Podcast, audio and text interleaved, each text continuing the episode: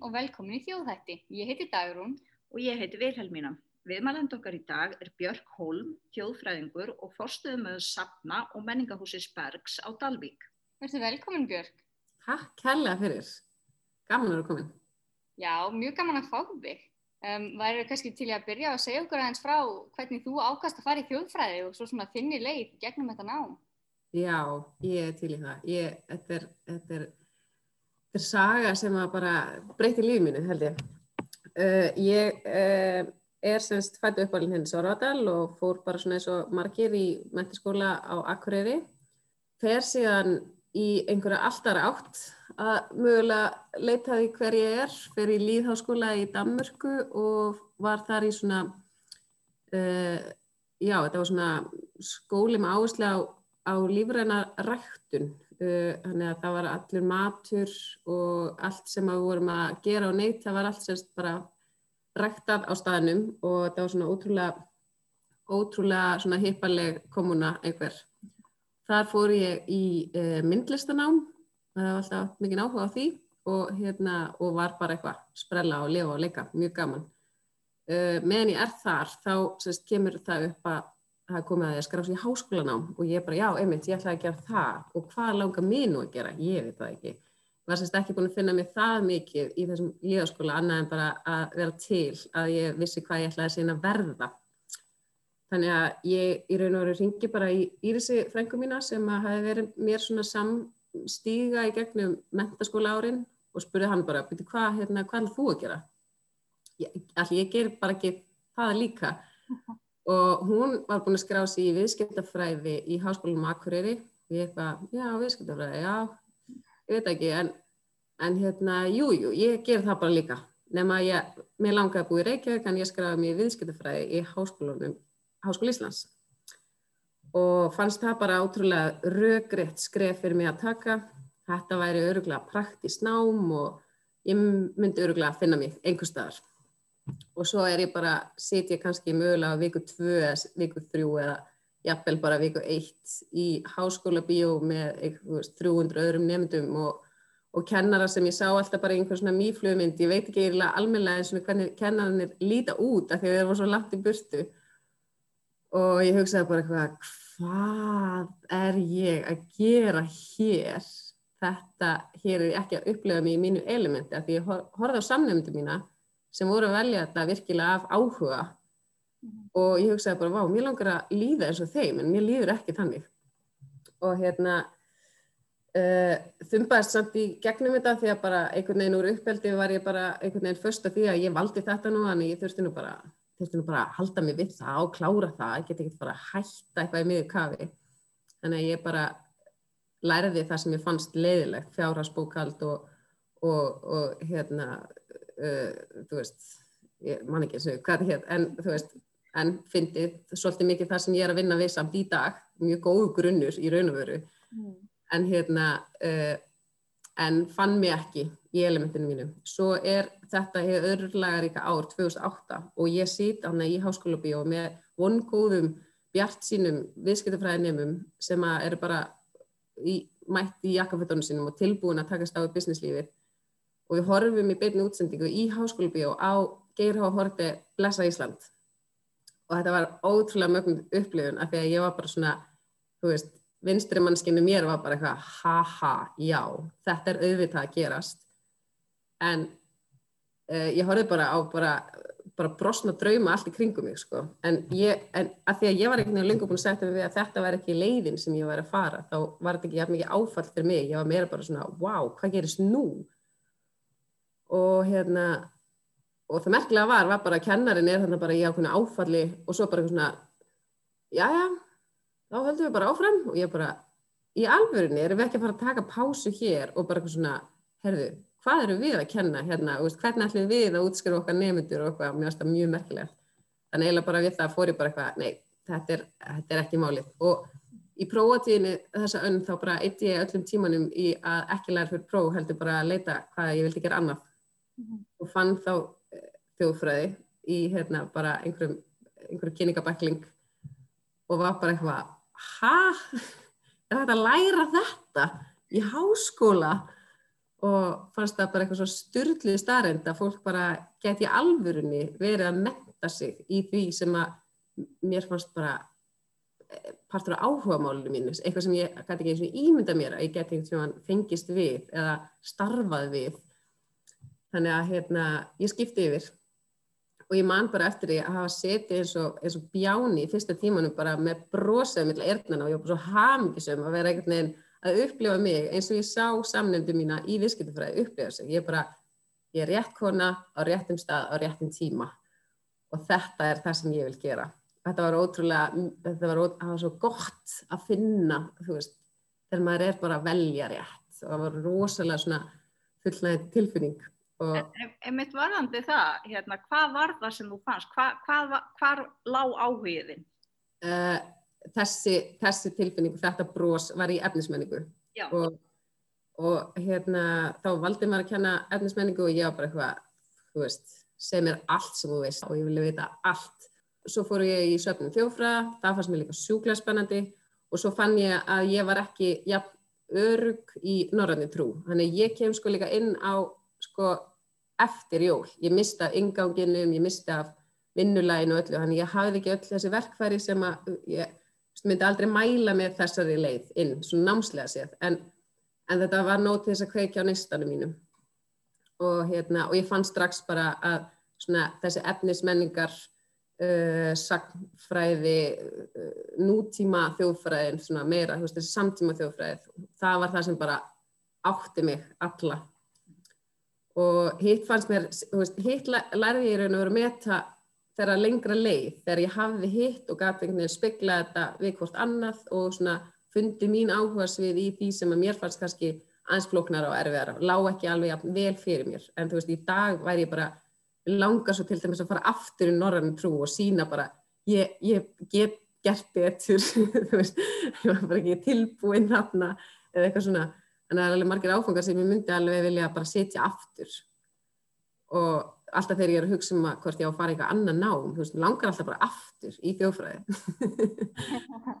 það er svona held ég líka að þú veist, síðan setna mig þegar ég fór að kenna þá fekk ég pínu, þú veist, þá svona svala ég svolítið þessari þörf ég geti að fara aftur í uppáhalds áfangana mína en bara með öðrum áherslum með öðrum fórsendum, þannig að þess vegna, þú veist, gerði ég það í raun og öru þannig að já, það var, svona, það, var það sem að þannig, þannig kem ég inn í þjófræði og ég bara upplifið strax bara einhvern veginn svona ótrúlega samhældni, ótrúlega svona mikla nálega við kennarana. Ég var einmitt bara fyrsta daginn minn þá lappaði upp í hámu og Valdimar segir eitthvað svona, herri Björk hérna, að því að við vorum bara tvær sem byrjuðum. Þannig að það var svo auðvelt að, þú veist, það var svo, ég týndist hverki. Þannig að hérna, og að þeim tíma var ég líka lang yngst í þjóðfræði þannig að það var alveg svona, ég fann fyrir því bara, ég var, ég var virkilega velkominn, bara já, komdu með þína ungu orku hérna inn og hérna, og ég upplifiði mig bara, uh, já, ég upplifiði að það var, þau voru jafnlega að fá mig eins og ég var að finna þau einhvern veginn sem var ótrúlega dýrmænt og hann býður mig bara strax að setjast hjá þeim í hátegismat og ég bara eitthvað allt í hún bara, oh my god, ég er bara að borða með kennurunum bara svona eins og þau væri bara rockstjörnur og þau myndu leifa mér að vera með í partíinu, eitthvað svona fyndið, af því að þú veist, ég hafi bara þetta hafi bara ekki verið stemmingin í því sem ég hafi upplifað áður. Þannig að ég upplifist mjög strax uh, mjög fljóðlega svona, þú veist, þessi bara uh, þessi sterku þessi sterku samkend sem myndast einhvern veginn með kennara og nefnda og lendi bara í frábærum hóp og svo hérna, sérst, ég raun og verið eftir haustið eftir þetta, eftir hrun, þá bara verður bara þessi gríðarlega sprengja í þjófræði og það verður bara, ég man ekki eins og hvað var mikið prósentu aukning, þetta var eitthvað svona alveg stórkoslegt sko. Þannig ég fekk einhvern veginn svona upplefa bæði fyrir og eftir, þú veist, þegar þjófræðin var bara eitthvað í einni stofu í það að við þurftum stóra stofu og það var bara svona, ok, þetta, þetta er svona spennandi. Ég fór beint bara í að hella mér í að vera mjög stór þáttakandi í félagslífi og og hérna fór náttúrulega sjálfsögðu í að ég, ég held bara frá un, unga aldri hafi ég verið svolítið svona stjórnandi í mér. Mér finnst alltaf best að vera formaður í öllum stjórnum. Ég fór, fór fljóðlega í uh, þjóðbrók og var formaður þar til dæmis. Mm -hmm. og hérna já, þannig var það. Og kláraru B-prófið og ferð svo í mistrunami Já, ég, fór, ég tók mér mér sem smá pásu á milli Bía og, og Emma. Ég fann bara, ég var, var pínu þreytt eftir hérna Björgerina og mér langaði ekki að fara þreytt inn í mastersnám, eitthvað svona óinspyrð og ég tók bara smá tíma og fór að vinna og, og, hérna, og fór svo aftur árið setna þegar ég fann bara, ég var bara, ok, vantar, nú vantar mér meira. Mm -hmm. Og ef mér fannst sko bíanámi skemmtilegt, þá fannst bara eiginlega mistranámi miklu skemmtilegra. Af því að þá fóru við sko, uh, þá búið hræðið mig hérna bara í mörg ár fyrir dauðanum svo kallaða, en það er bara ég verði til að vera í honum alltaf, alltaf mér finnst það svo skemmtilegt þú veist, í dag horfum ég allavega mjög romantist tilbaka á hana tíma þó að þetta hefur verið mikið álega og erfitt þá, en þetta var bara þetta var bara svo ótrúlega mótandi og góður tími, bara líka veist, bara mikið uh, heimurinn minn var að stækka svo mikið, bara Sammálaði með þauðan og þetta var svo gefandi. Þetta var svo gefandi og ég bara svona upplifði bara Já, og þú veist, og maður komin í svo styrlað form, þú veist, þetta er bara eins og að vera í rektinni, þú veist, þú ert bara að æfa og æfa og æfa og svo ertu bara í geggjöðu formi, þú veist, þannig upplýði ég mig bara í lokinu döðunum bara, og þá hefði til dæmis verið ótrúlega góð hugmynd að skrifa rítgerð sem ég gerði ekki, ég bara hætti að æfa og hérna þurfti svo bara að vinna mig upp aftur, en þá bjóð ég samt að þessum, þessum tíma, veist. Alls með rættina, ef þú hefur einhvern tíma náða að vinna upp, veist, þá, þá ertu fljótar að komast, uh, þá mannstu hvernig þú ætti að gera þetta, svona sirka, en, en hérna, já, einhvern veginn, þú veist, ég, ég les huglegingarna mín í dag og ég er bara, wow, hver er þetta, djúður og klás, veist, ég get ekki skrifa hana texta í dag þó líf mitt lagi við, þú veist, bara því að ég er ekki, ég er ekki þarna á hverjum degi, þú veist, heilin minn er ekki bara að, að að eh, hérna, tengja sér á þessi svið veist. en núna er ég bara vonandi að veist, í góðu formi annar staðar og hérna já, þannig að þetta var alveg ótrúlega gaman. Við vorum líka góður hópur, ótrúlega góður hópur saman, við vorum ekki margar og ólíkar en alveg bara svona rosalega þjættur góðu kjarni. Og það þykir bara eitthvað svo vænt um hennar tíma. Það er eiginlega bara Veist, það er eina tilfinningin sem ég hef, ég man ekki eftir að þetta hafi verið erfitt þó sem ég hef örgulega grátið einhvern tíman yfir 500 blassum sem ég þurfti að veist, lesa og, og komi hugmyndir af og skrifa sér texta og eitthvað, bara eitthvað svona, þetta er ómannlegt. En þú veist, núna er ég bara, hvað þetta var frábært aðeinslegt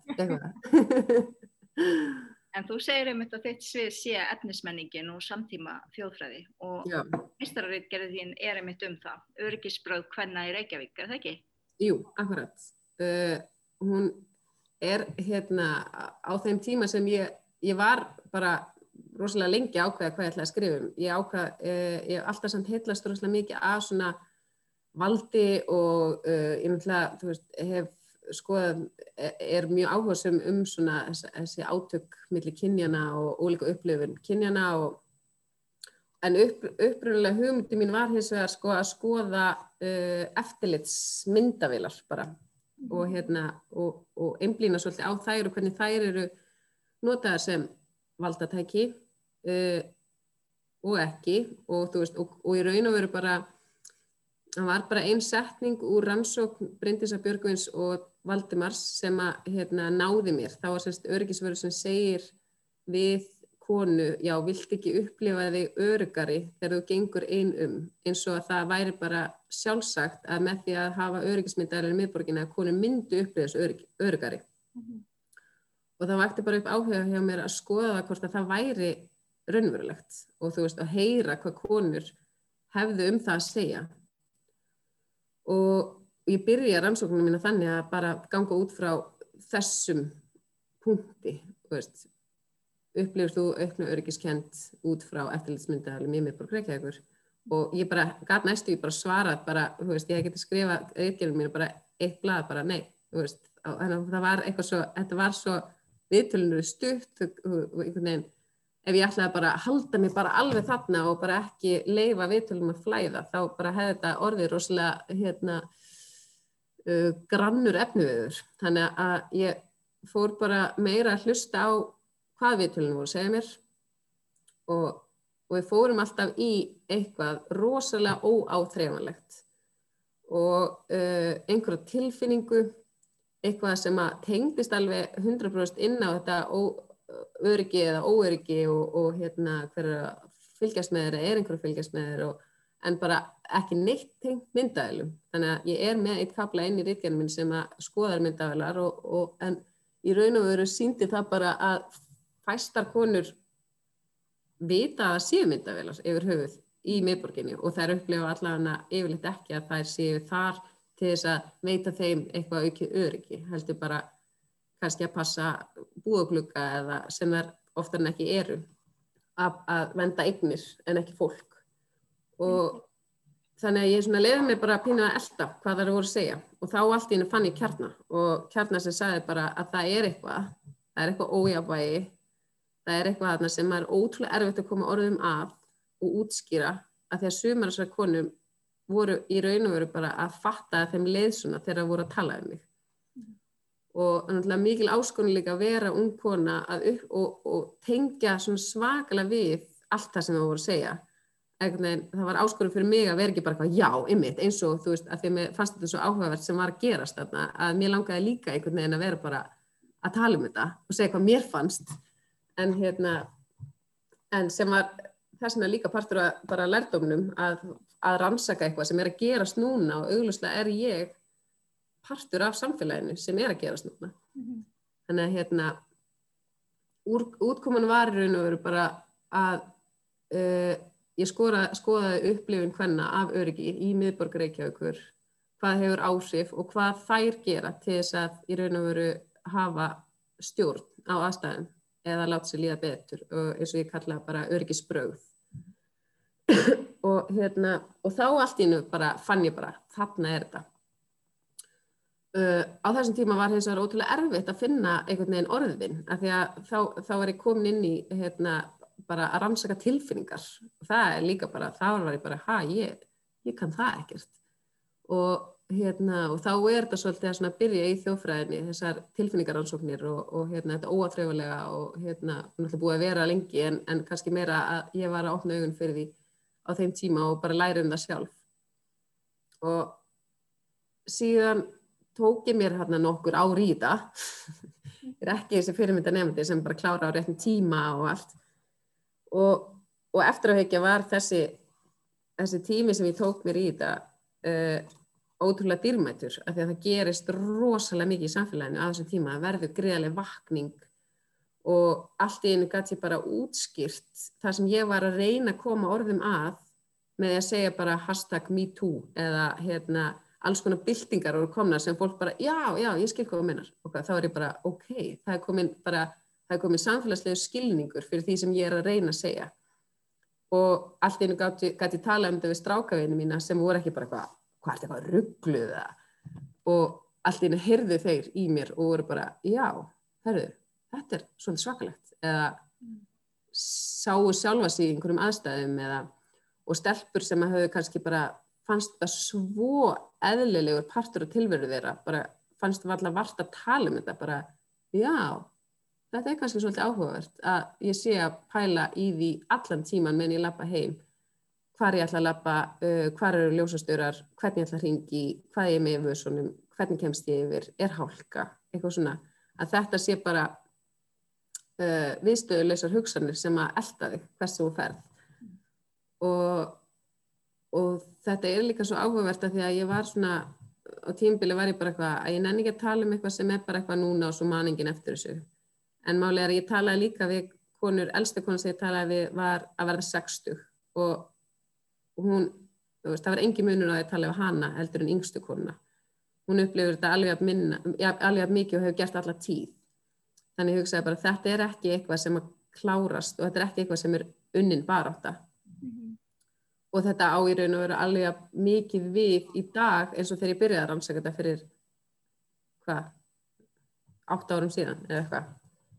Uh, bara þegar ég tók fyrstu viðtölu mín og hérna, já nei að menn ekki alveg en hérna og þannig að það er merkilegt. Það, það er er umlegt og merkilegt á sama tíma. Mm -hmm og mér, mér svona, ég fann samt líka þegar ég var að velja mér rannsóknarefni, ég þurfti að velja mér eitthvað sem ég fannst mikilvægt að segja eða mikilvægt að væri uh, ekki endilega bara rannsakað en bara mikilvægt að væri sagt einhver staðar. Og að einhverjar hugsanir og tilfinningar væri bara skjálfestar einhver staðar fyrir framtíðina. Þannig við getum einhvern veginn skilið hvað, hvernig við erum að þróast áfram. Veist, það er svo auðvelt að horfa tilbaka og hugsa bara að samfélagi hafa alltaf verið eins og er. En það er náttúrulega ekki þannig. Um, já, ég man ekki eins og einhver spurningi var. Er ég að svara henni? Þetta er bara mjög fín frásóknar ykkerni. Já, algjörlega, þetta er mjög áhugavert og þetta er náttúrulega mjög áhugavert efni og eins og þú segir, mjóg relevant eða svona viðegandi ennþá. Og þetta Já. sem við teljum sjálfsagt, kannski þessi örgisbröð sem konurnar beittu og þér frá, að það sett ekki einu svona spurningamerki við það, en, en MeToo og þessar samfélagsbreytingar og, og sem hafa verið í gangi núna, þá allt í einu er fólk farið að bara er það eðlilegt að, að hérna... Já, fólk er svona að fara að opna augun fyrir svona hverstagslegu ójabrætti. Já, einmitt, einmitt. Og, og það er náttúrulega, veist, eins og með með svo margt sem okkur finnst svo eðlilegt að okkur finnst svo skrítið að tala um það því að svona er þetta bara og svona er þetta alltaf verið. Og það er það sem mér finnst skemmtilegast að skoða. Að því að það, það hleypur okkur veist, það opnar svo mikið sannleika veist, það sínir okkur svo, kennir okkur svo margt um samfélagsgerðina og samfélagi og einstaklingarna sem bara búa í því. Mm. og, og hérna og svona þessi áhrifafættir sem að komu alltaf upp, þetta var alltaf sama dæmið, veist, þannig að þetta er ekki eins og þetta það er einhver samilegu kjarni veist, það er uh, veist, það er, það er tímidagsins hvenar þú getur lappað um, um miðborgina á mismundu tímidagsins og þeir líður mismundu eftir hvað klukkan er eða hvort það er bjart eða dimt og þeir líður mismunandi þarlegandi eftir hvað fólk er í rýminu, þú veist, af því það er öðruvísi fólk þegar það er dimt og, og uh, á ákveðnum tímum heldur en yfir hábjörnstan daginn.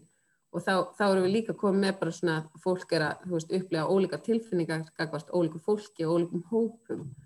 Mm. og svo er hérna veist, þessi, þetta öryggi samt sem er fólkið í hinu fólkinu sem að kom svolítið í staðin fyrir eftirlitsmyndavelunar að fólk segja ég upplifum ekki öryggar ef ég sé eftirlitsmyndavel en ef ég sé fimm manns lapp einhver staðar á samað stað þá upplifum ég mig örga því að ég bara trúi því að ef eitthvað myndi gerast að þá myndi einhver grýpa inn í aðstæður. Að einhver bara, að einhver sjáu mig og ég hérna uh, ég sé ekki einhver starf falin í skuggasundi það sem að sé hægt að grýpa mig eða eitthvað svoleiðis.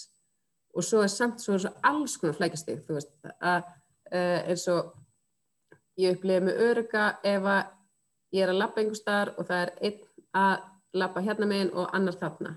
Ég upplifi óryggi ef það eru tveir saman og þannig að þú veist eh, það var ekkert einfalt í þessu. Og, ég, og, og, og það sem ég gerir þetta líka flóki er bara, já, ég skildi veist, ég, var, ég skildi alltaf allt svo rosalega vel.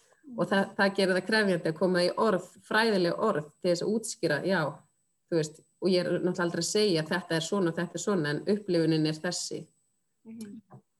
og hérna, og svo það sem var svona annan svona stærsti þátturinn var uh, allar þessar sögur sem við erum alltaf að segja. Og við erum náttúrulega bara stanslust sjúki, sjúki að segja sögur.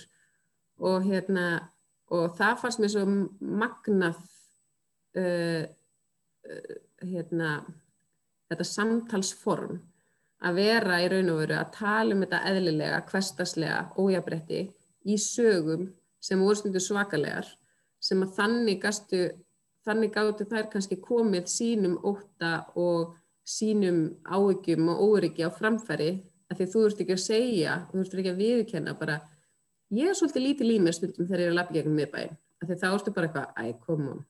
En ef þú sagðir einhverju svaklega sögu af einhverju konu sem lendi einhverju þegar hún var að lappa einn kringum miðbæinn þá, þá allt ínum að komin vettvangur til að ræða þessi ágefni eða þessar tilfinningar. Þannig skoðaði sögurnar og sagnir þessar samtíma sagnir sem svona ákveði bara samtals og samskipta form og bara svona vettvang til þess að koma út þessum tilfinningum. -hmm. Ég var ekkert endilega að skoða eins og við gerum í e, þjófræði samtímas að skoða nákvæmlega hvað sagan per se var að segja. Heldur í hvað aðstæðum segjur þær og hvað, veist, hvað liggur á baki því að þú segir þessa sögu, ekki bara og sagan ber þann bóðskap. Ég var ekkert endilega að skoða bóðskap sögunar eitthvað að þú ert með fordóma eða eitthvað svona. Þannig að þá var ég líka að vinna með sagninar svolítið, á svolítið nýjan hátt fyrir mig sem var ótrúlega skemmtilegt. Mm.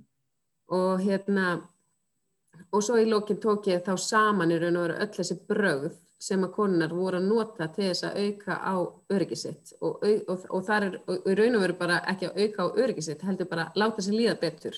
Mm -hmm. Og hérna, og það var svo ótrúlega merkilegt að því að eiginlega allar voru bara, þeir spurði, þeir eru bara spurður, bara uh, gerur eitthvað sérstakkt til þess að hérna, auka öryggið eitt í miðbólum, bara nei, nei, held ekki. Og svo kannski, eða þú veist kannski, ég náttúrulega ég kannski lapp ekkert þarna og ég, eða, veist, ég náttúrulega ger ekki þetta. Ég, ég lapp ekkert á yfir bílastæði eða ég lapp ekki nálægt húsum eða veist, ég, ég ringi alltaf í vinkunum mína ég er alltaf með liklan í vasanum og náttúrulega eða auðvitað eða eitthvað svona fullkomlega sjálfsæðar hlutur sem að þær bara höfðu margar hverjar ekki eins og átt að segja á að væri þeirra leið til þess að líða betur þeirra voru að ferðast um. Eða að þetta væru á hvern brauð þannig að hérna uh, þannig að það var líka ótrúlega merkilegt sko, að hérna, fatta hvað þetta er rosalega innrætt í hverstaginn hvað er hverstagslegt fyrir konum að eiga eiga möguleika að, að, að möguleikin sé alltaf fyrir hendi að þú verðir fyrir einhver áriði og þá er ekki endilega að tala um að alla konur haldi alltaf að þeim verði nöðgaf í hvert eins sinn sem að lappa í gegnum miðbæinn, bara alls ekki. En það er þetta ófyrirséða bögg eða ófyrirséðu eða óvelkomnu samtöl eða einhver komi inn á þitt rýmið sem þú ert ekki tilbúin í. Og að bara að, að það sé raun og verið gefið að þú mátt bara eiga vonaði mm -hmm. og, og þá, bara, þá getum við bara ekki tala um að það sé fullkomið jafnbretti þegar annað kynið upplifir sig í þeirri stöðu mm -hmm. Einmitt, svona eitthvað rótgróið ástand Já. Já, ummitt og þetta er náttúrulega eitthvað sem konur upplifa mjög sterkt en karlar kannski ekki jafn mikið eða, eða öðru vísi. Já, ég náttúrulega skoðaði ekki, þú veist, ég fór ekki, upprunlega humdi mín var sko að skoða líka nákvæmlega sama hjá köllum og bera saman. sko, í raun og veru endaði reitgerðin mín sem einn kapli af upprunlega humdinu minni. og hérna, mann alltaf náttúrulega bara bjarga heiminum í einni reitgerð, sko en hérna uh, en ég var rosalega til í að sjá bara nákvæmlega sömur ansók gerða hjá körlum mm. Og þau, þau viðtöl sem að uh, ég hef tekið við kallaðið svona óformlega samræður jafnvel hafa sínt mér að það er ekki, það er ekki sama það er ekki sama fyrirkomulega hjá þeim og þeir nota öðruvísu bröð sem eru meira sko að ég, veist, ég sé þig, ég er hérna og þú veist, í staðin fyrir að fela sig og minka sig þá breyka þessi og taka meira plás og óttinn sem að þeir kannski upplefa meira bara veist, gæti, gæti einhver komið og lamið mig veist, það var mjög sjaldan að konur voru hrættar um einhver myndi bara lappa upp að þeim og berja þær. Miklu meira eitthvað svona veist, brot á þeim út af því að þær væri konur og þeirra kynferði. En Karla voru kannski meira hrættir við svona bara tilefnislausar barsmíðar og, og eitthvað svona. Og ég held, að, ég held að sé algjörlega þannig að kallar upplefi veist, margir hverjir óeriki, þú veist, gagvart þessu. En það er ekki held ég á samanbörðar hægt einsinni við það sem konur upplefa og það er allt öðruvísi, auðvitað, af því að það er bara veruleikin þeirra er, heimsmyndin þeirra er bara öðruvísi. Og það er raun og það sem að, þú veist, þetta síndi mér er bara að það er munur en ég er ekki með hinaransóknuna ég, ég er alltaf bara ef ég spurði þessu hvað með kalla, það er bara þú veist, gerð þú rannsóknum það? Þá skulum svo tala saman. Að því að ég þarf ekki að rannsaka það. Ég, ég, ég er bara að skoða þetta og þetta er það sem ég get sagt þér. Ég get í raun og verið ekkert sagt þér um það hvernig köttunum líður. Ég bara, er ekki búin að skoða ég er ekki búin að rannsaka það. En ég gerst hins vegar sagt þér að svona upplefa konur þetta. Gjör svo vel. Er ótrúlega áhugavert en einmitt eins og bendir á nægt tilefni til að skoða fleiri hliðar á, á þessu. Spurning og ég vona einhver gerða sko.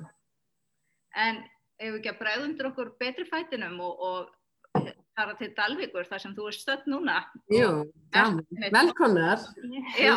Hérna í, í menningarhúsinu Bergi á Dalvík. Já, það. til að segja frá því. Uh, hérna, já, ég semst byrja að vinna hérna 2017 í januar. Þá uh, tók ég við bókasafni og hérskalasafni og var semst fórstöðumar þar yfir. og hérna, ekki starfsvettvangur sem ég á búin að sjá fyrir mér að fara inn á, en hérna, þegar maður býr lilt samfélagi þá náttúrulega bara eru kannski möguleikarnir á einhverjum svona störfum sem að samt snúa að þínu fægi, þau eru ekki ótæljandi og þannig að mér fannst ég bara ekki geta annað en allavega að tjekka það á þessu hvort þetta væri eitthvað sem að hérna, þau vildi fá mig og eitthvað sem ég geti henda, eitthvað sem geti henda mér. Og, og, hérna, og komst bara skemmtilega að því að sem betur fer, eða þú veist, eða, eða lukkulega gerðist það að ég komst að þetta bara drauma hennar mín. Að hérna, þarna gæti ég raun og verið samin að öll mín áhugamál. Ég gæti verið í, í mjög í mjög félagslega þist ég elska að búa til viðburði og skapa hluti fyrir fólk að koma saman og ég elska að prónja hluti og, og, og að hérna, vera svona smá extrovert en svo er ég rosalega mikið nörd og rosalega introvert líka. Þetta fer ekkert ofta rosalega vel saman en í þessari vinnu þá einhvern veginn gerir það að því að héraskjálasafni er svona svolítið innhvert að meðan að uh, allavega eins og ég ákvaða að hafa bókasafnið er mjög útkvært mm. og þá komum við kannski eftir að því að ég kom svolítið inn með kvelli, þú veist, ég var bara með ákvæmna hugmyndir um það hvernig ég vildi sjá þessa stofnun og ég var bara með nóg mikið sjálfsörgi einhvern veginn á þeim tíma til þess að bara gera það og vera óhrætt við að, að kannski gera einhver mistök eða stíga fylspor og bara, ég sá það freka bara sem tækifæri þá til þess að læra. Mér fannst þetta bara svo kjöri tækifæri til þess að prófa að gera eitthvað nýtt og hérna uh, og það hefur bara lukkast ótrúlega vel. Uh, síðan að því þetta er náttúrulega, ég vinn hér sveitafélagi og hérna uh, ég, ég tek ekki allar ákvarðanar en það gerist síðan 2018 þá er ég búin að vera já, jú, svona cirka ár í starfi. Þá hérna er ákveðið að samina söfnin eða sérst undir eitt fórstöðumann þannig að þá fæ ég líka beðasafni kvól uh, beðasafni kvóli og hérna uh, og þannig að það er rísastórt rísastór viðbútt auðvitað, af því að ég minna Uh, þó svo að þetta séu allt söpn, þá er þetta allt rosalega ólík söpn og ólík starfsemi og ólíka reglur og ólík verkferðlar og þannig að fyrir að vera með þrjú söpn, þetta er alveg, þetta er alveg smá challenge, uh, afsækið ennskuðslettuna, en hérna áskorun og svo fer ég bara hérna í fæðingulof og, og, og kvíli með þess, að vera mikið, mikið nýtt að gerast og hérna ég bara var svo heppin að ég fekk bara frábært bann þannig ég bara í alvörunni náða að kvila mig. Og hérna uh, svo kem ég tilbaka og ég er búin að vera vinnin í, í einn mánuð þegar uh, það er ákveð eða svona mér er bóðið það í raun og veru að, að taka við menningarúsinu líka. Og, og fyrst var ég bara það, þetta er ekkit hægt. Það getur ekkit einn kona gert þetta allt. En, en andla upp með mér uh, bara að þau treystu mér svona mikið fyrir því að, að hafa trúaði að ég gæti það. Og hérna og svo útfarið við raun og bara þannig þar sem ég sé að þetta er gerlegt, þú veist við aukum ábyrð á annar starfsfólk og, og hérna dreifum verkefnunum mínum og, og ég raun og veru breytið svona skiplegin í mínu starfi að því að hitt hefði, hefði bara ekki gengið upp og það, það er bara eðlegt að það séu alls konar breytingar þegar það er verið að samina og, og gera einhverjum svona skiplagsbreytingar og hérna þannig að ég endaði bara mjög sátt og ég tek við menningarhúsinu bergi í hérna, februar í núna fyrir árið síðan. Mm -hmm. og ég náði að vera bara með alveg stútfull að metnaði full dasgrá í februar og svo bara kom COVID. Og, og hérna þannig að uh, ég myndi segja að ennþá erum allar komin reynsla á það hvernig er að reyka allt saman sko, af því að hérna uh, að er náttúrulega bara búið að vera bara allt í sögulega lámarki, ég hef búin að vera einhvers svona mínus yfir því bara, bara síðan ég tók við þá bara allt búið að vera umulegt eitthvað sem að ég ger mig fulla grein fyrir að hérna, enginn er að bara eitthvað, já, er nú ekki að standa sig, hann var aldrei neitt um að vera í bergi, þú veist, ég veit að allir hafa skilning aðstæðanum, en þetta er svona leiðilegt og hérna þannig að uh, já, allt í einu er ég bara komin í alveg rosalega stort starf sem er ótrúlega spennandi og engin, engin dagur, engin tveir dagar eru eins og, uh, og í raun og veru hendar það mér ótrúlega vel. Ég er bara einhvern veginn, ég, ég vinn best þegar að brjála að gera og í, á vestu COVID-tímunum þá fannst mér ég lélegust í vinnunni af því ég gati ekki verið að gera það sem ég gerir vel, skiljiði mig. Mm -hmm. Og hérna, þannig að þá fer maður náttúrulega bara í að finna aðra leiðir, þú veist, við vorum bara, reyndum að vera bara mjög virkar á, á samfélagsmiðlum og, og reyna að finna útfæslu til þess að gera sniðu á hluti.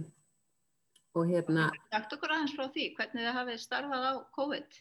Já, við bara, við raun og veru í, á þeim tímum sem við hefum til dæmis þurft að loka bara vegna takmarkana, þá höfum við samt haldið áfram að vinna alltaf og, og, og það hefur bæði opnað tækifæri á að vinna svona, ég er með eina möpp í tölunum minni sem heitir, uh, sem heitir hérna, draumalistin sem er svona verkefni sem að mér langar að gera einhvern tíman en ég hef aldrei tíma til að gera þau af því að ég er alltaf að gera eitthvað annað. Og hérna og þetta var fyrsta sinni sem ég gæti opnað þessa möppu bara ok, ég get gert eitthvað hér. Þannig að þetta er eitthvað svona, er eitthvað svona flokka þetta, skipulegja þetta gera eitthvað svona sem að mér, ég mjög mikil svona flokkunarperri fyrst ógislega gaman að sitja í möppur og eitthvað svona en ég er samt líka frest, frestari þannig að ég kannski sapni upp í rosalega stóran bunga og er bara eitthvað, ó ég sé hann ekki. Og svo fer ég hann og þá er ég bara ah, allt er eins og á að vera. Og hérna þetta er eitthvað svona, svona ástar hattur samband sko að ég framkalla þessa tilfinningu sko. En hérna, já en við gætum farið í alls konar svona innri, innra starf sem var ótrúlega dýrmætt. Og, og pínu þegar, þú veist, fyrsta bylgjan var að líðundur lók og við vorum aftur að fara að opna, þá var ég bara, nei, ég alveg búin með allt sem að, þú veist, mér langar að klára áður en að við förum aftur að vera til. Og hérna, og senum mótið voru við bara með svona, bara ákveðið samfélagsmiðla plan og við vorum bara að e, vinna með, við, við vorum bara að vinna svolítið með grín. Og ég hugsaði bara að hérna í sveitafélaginu okkar er hver stofnun með sitt hlutverk og það er ákveðin grunnþjólsta sem það þarf að, þarf að veita og það eru allir bara einhvern veginn að láta að gera sitt þess að láta hlutinu ganga upp, fólk þarf að fá að borða og fólk þarf að fara til læknis og fólk þarf að gera þetta. Og ég svona fóð svolítið bara í þessa skoðun bara hvert er okkar hlutverk, hvert er okkar hlutverk sem menningarhúsana hér að uh, hvað skildum höfum við að gegna til samfélagsins? Og, og einhvern veginn það sem ég kom alltaf aftur á er bara vera, vera skemmtilegar, vera, þú veist, leta lundina, gera eitthvað gaman, hjálpa fólki að gleima eitthvað allt er leðilegt og uh, bara, já, svona leta undir. Og þannig að við bara höfum verið að uh, setja sniður myndir á Instagram og eitthvað og það er náttúrulega alltaf langt skemmtilegast fyrir okkur að vera að gera þetta, þetta er sjúklega skemmtilegt að vera að taka þetta og, hérna, og við hlægjum öruglega manna mest þegar við erum að posta þessu af því að við erum með alla baksögunaði hvernig við búum þetta til og allt þetta. En, en við finnum samt rosalega jákvæð viðbröð frá samfélaginu og fólk er alveg bara, mér líður eins og bara allir hérna séu sko personleir vini mínir af því að þau eru alltaf að senda mér svo fallega hluti bara og þakka manni fyrir svona eitthvað sem að, allt, sem að manni finnst næstu því sjálfsagt að gera -hmm. en að, að, já, það, mér var svona ljóst að það er, það er rosalega mikil þungamiðja í menningastarfunni er að um, og bara menningastarfu almennt er bara einhvern veginn að vera þetta afl, að vera ljósið, vera gleðin, vera er að bjart sínin, að missa ekki dampina bara, já, já, það er allt umlegt, já, við getum ekki gert neitt, ógslæðilega leilt getum ekki haldið tónleika, ógslæðilega leilt með ekki koma á bókasafnið, já, það er þannig, en þú veist, en það var ekki það sem þau vildi heyra frá okkur, þau vildi heyra bara, þetta verður allt í læg og við bara, þú veist, við, við ætlum að, að hérna, gera eitthvað skemmtilegt í staðin. Þannig að, og mögulega var það líka bara ákveðið svona, hérna, uh, haldreipi fyrir okkur líka til þess að bara komast í gegnum þetta. Af því að þú veist það er náttúrulega breytir starfseminni greiðarlega að þurfa að hafa lokað eða þurfa að einhvern veginn endurhugsa allt, allt sem að allt, allt í einu var bara í raun og raun allt það sem ég starfa við bannað eða þau veitir alltaf sem ég hafi unun og gleðaði að gera að skapa nýja viðburði, skapa aðstæður eða vettum fyrir fólk til að koma saman, uh, búa til þetta og hitt, gera eitthvað með börnum, minna starf með eldriborgurum, allt það sem að gaf mér svona kraftin, allt einn bara mátti það ekki. Og þá allt einn var bara svona, ok, það þarf ég bara, núna þarf ég raun og veru að viðhalda þessu án þess að, þú veist, haldi áfram að hafa gaman en ekki koma hingað. Mm -hmm. uh, haldi áfram að vera glöð en, veist, en ekki með neinum öðrum. Uh, veist, að, þannig að þetta krafði mig og mitt starfsfólk um að finna einhvern veginn að grafa onni það. Hvernig er hægt að gera það án þess að innan sóttvarnaregla? Hvernig er hægt að hafa gaman með spritbrúsa og hérna þannig að já, þetta er mjög lærtumsrikt að ég raun og veru bara að fara í þessa svona að kafa onni þennan heim. Að því bara fyrir einhverjum ára síðan hefði mér eins og dótt í huga að þetta getur orðið einhvern tíman að veruleika, skilji. Nei, þetta er mjög fyrðulegi tímar Já, þetta er það. En þú lýsir einmitt vel finnst mér hérna bæðið hvað þú hefur ánægjað og, og það mátt ekki en þá einmitt hérna hvort skildi þessi starf sem hefur fyrir nærsamfélagi fyrir fólkið í bænum e, e, þá sem nýta söfnin og sækja þau og, og fara á þessa menningaviðbyrði Já og það er alveg þannig að hérna uh, við erum sérst í menningarhúsinu erum við með bókasafnið og svo erum við með listasal uh, það sem eru nýjan myndlistsýningar í hverju mánuði og svo erum við með kaffús uh -huh. og þetta helst droslega vel saman í hendur og svo erum við með eldriborgarastarf á hérskalsafninu sem hefur náttúrulega alveg leiðið dval og það er bara, það er hæðilegt mér saknaði það gríðarlega. Og ég veit að þau, þau sakna starfsins líka mikið. Og hérna og svo er kannski svona öðruvísi starf sem er á byggðasafninu en, en hún hún hefur líka brenglast svolítið til í svolítið saman.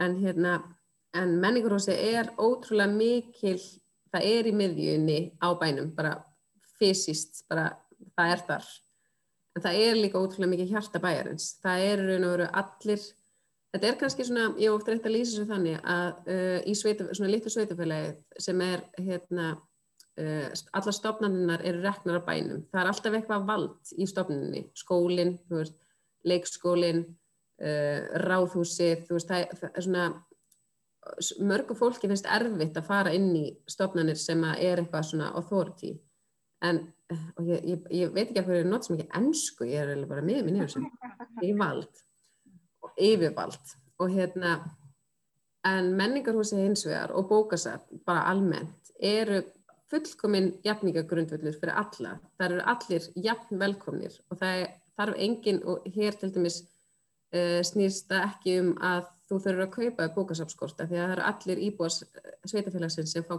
ókipis bókasafskort þannig að óháð gjaldi, óháð uh, fjárhag um, pólitískri afstöðu þjóðverðni hvað sem þú ert, þú ert alltaf allir jafn velkomnir. Og ég upplifi bara svona uh, þetta er í raun og svona eina fullkomlega valdlausa byggingin í sveitufélaginu sem gera verkum að það kemur alls konar fólkina sem upplifur að það eigi erindi eða eigi rétt á að vera.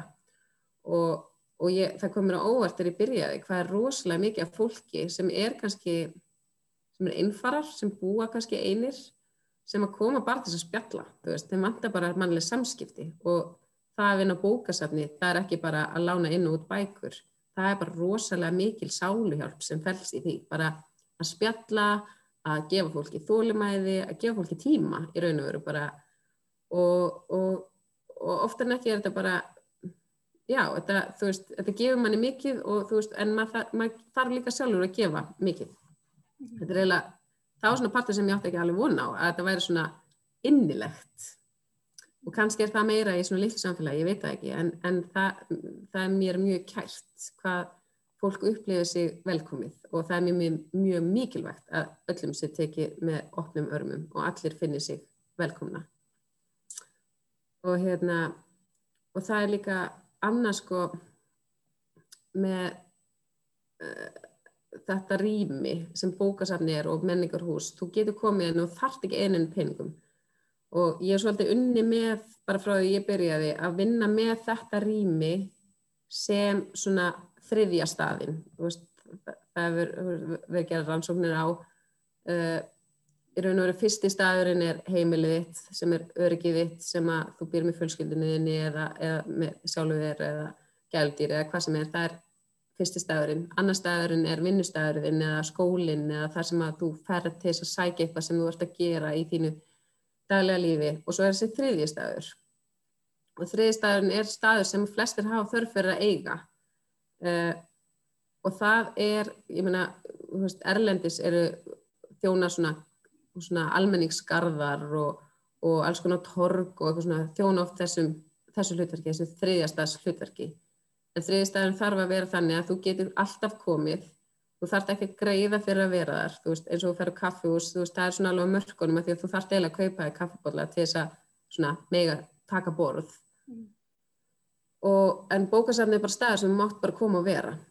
Að, að hérna og, og menningarhúsi í heilsinni hér er svolítið þannig þannig að það er svona svolítið svona hugmyndikonsepti sem ég er alltaf að vinna með að bara veist, og búin að vinna svona bara að því frá því ég byrjaði að búa til rými sem fólk vil dvelja á og, og vera á. -hmm. þánga til að COVID koma og bara nei, þið með ekki vera erna þið þurfum að vera heima. En það, já, það er svona kannski svona motivationum mitt er að uh, hérna, innblástunum minn er að að skapa þessa, þessi tækifæri fyrir fólk. Börn og fullorna Algjörlega og mjög gott markmið myndi ég að segja. Já, það er alveg skemmtilegt. Og, og það er einhvern veginn það sem er svolítið svona uh, það er svolítið svona rúsinanir pilsvændanum fyrir mig. Er að allt það sem ég er að gera það er aldrei hérna, það er aldrei leðilegt og það og ég hef oft hugsað sko að maður svo fastur í því ofta að vinna þurfa að vera eitthvað sem er erfitt og pínulegilegt annars eiginlega svona líðmanni svona skringilega að fá borga fyrir það og, og mér finnst alltaf svo gaman í vinni að ég stundur bara eitthvað, ég trú ekki einhversi að borga mig fyrir að gera þetta. Þetta er svo létt og auðvöld skemmtilegt. Mm. En það er af því að ég er rétt manneski í rétti starfi á réttin tíma. Af því að fyrir annar manneski geti þetta starfi verið bara mjög erfitt og leðilegt. Mm. En ég held að það sé, það er, það er svona sterkasta merkið um að þú sért að velja réttan starfsvetfang ef það finnst ekki erfitt og leðilegt í vinninni. En hvernig myndir þú segja að þjóðfræði nýttist þér í þessu starfi núna? Hún nýttist mér nefnilega bara allstæðar í, í sko á öllum þessum stöðum eins og ólíkir þeir eru þó að vinna vel saman. Þá uh, myndi ég segja að sko bara eins og ég var að segja hérna í upphafi með bara hvernig þjóðfræðin stekkaði heiminn minn, stekkaði tekkinguna mína á ólíkum hópum, ólíkum samfélögum, ólíkum mér finnst ég skilja fólk betur, ég skil menningu fólks betur sem ég held að sé bara grundvalla þáttur til þess að geta reykið svona starfsemi er að geta mætt fólki með skilning og geta sé hvað hann kemur og, og spekla mig í þeim eða ekki.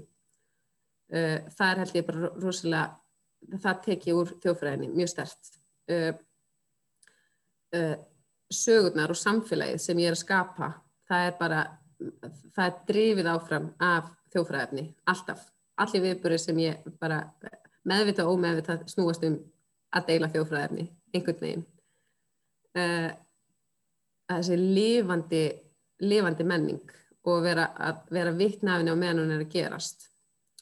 Uh, og hér skjálfsafninu er náttúrulega bara, hérna, er ég bara að vinna við uh, að varðveita sögun okkar Ég er, ég, er, ég er alltaf að bjarga einhverju allir eftir stundu. Ég er hérna keirandi um sveitafélagi að, að bjarga einhverju skjali sem ég veit að einhverju er að fara að henda einhverju bara nei, við verðum að bjarga þessu. Þannig ég er alveg sko hérna á allir eftir stundu þar. Það er náttúrulega bara algjörlega komið út í fræðinni og að sko vera að hugsa um að varðveita eitthvað uh, fyrir gildi sögunar og vera að hugsa alltaf í framtíðinni hvernig við erum að skoða hlutina í dag og hvert einsta skjál sem ég skrá inn, ég hugsa uh, hvernig gætu þjófræðingar, sagfræðingar eða fræðingar framtíðarinnar nota þetta skjál til þess að skilja daginn í dag. Veist, það er þjófræðin. Og á sama tíma er ég með síðan byggðarsafni sem er náttúrulega bara samt, sem er náttúrulega mjög beintengt þjófræðinni að segja sögur gegnum munni og mér finnst þetta oft sko, ég hef til þess að búið til verkefni núna uh, eða komið hugmynd fyrir dalvíkuskóla til þess að sína þeim, þú veist, þessa línu sem að liggur í gegnum starfseminn okkar að uh, velja uh, velja eitthvað eitthvað eitthvað kannski hlut eða eitthvað og að sína að á bókasanninu getum við lesið sögur um hann, við getum fundið bækur, við getum fundið heimildir, við getum fundið hérna, alls konar. Á hérskjálasafninu getum við fundið sögulegar heimildir úr okkar samfélagi og jáfnveil gamla ljósmyndir af þessum hlut. Á byggðarsafninu getum við farið síðan og séð hlutin og síðan í hvað samingja og notaður og hverju notuðan og, og svo frammeðis. Og svo getum við farið í menningarhúsið við sjáum einhverja upplifun, einhverja lifandi upplifun af því hvað er að gerast, kannski leiksýningu eða sung eða, eða sögustund eða hvað sem það er. Þannig að það er lína í gegnum þetta allt mm -hmm. og, og línan er bara útöðið í þjófræði allar tíman. þannig, þannig, sko, ég hugsa alltaf bara þjófræði er besta námi sem ég hef getið farið til þess að vinna í starfi sem ég er í dag. Mm -hmm. uh, já, ég get alveg betri Excel, þú veist, ég er alveg stundum bara þegar ég er að gera fjárusáallun fyrir fjóru stofnanir þá er í stundu bara ég skráði mig ekki þetta. En síðan er líka ég svolítið klófin í heilanum á mörgum stöðum að eins og ég sagði á þann ég elska flokka hluti og það gefur mér einhverja alveg merkilega fróun að fylla hluti inn í Excel-skjál og hafandi verið í þjóðfræði öll þessi ár þar sem allt er svona óbyrti tólkunar og það eru mismöndir sjónarhóðun og þetta getur verið svona en þetta getur líka verið svona þá bara fæ svo mikið hikk út af því að íta bara og þetta, þetta er rétt svar. Að að þetta pluss þetta, deilt með þessu er þetta. Og þetta er svona. Og ég er bara, já, þetta er gott. Rosalega þægilegt. Þannig það er ekki svona að velta mig meir upp á því, svona er skjalið. Gjör svo vel, sendi það. Mm. þannig að já, ég kannski bara átti með því núna allt sem ég er að gera, bara akkur það sem ég langar að vera að gera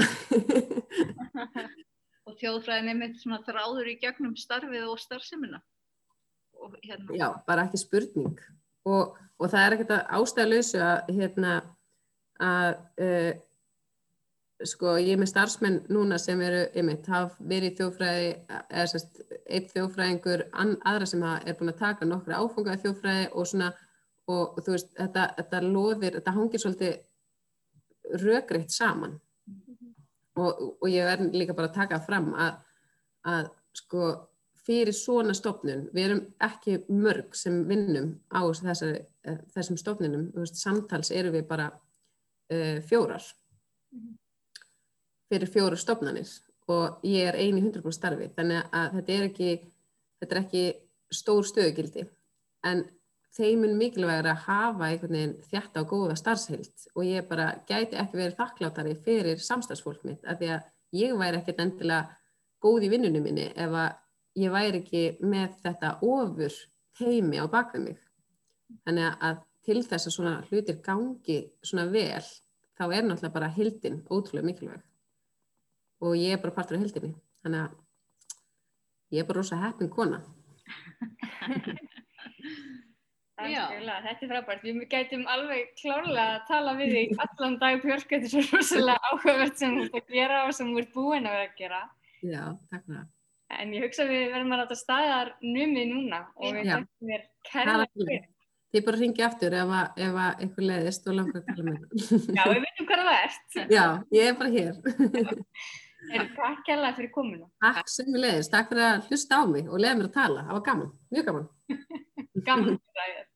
Takk fyrir og verið sæl.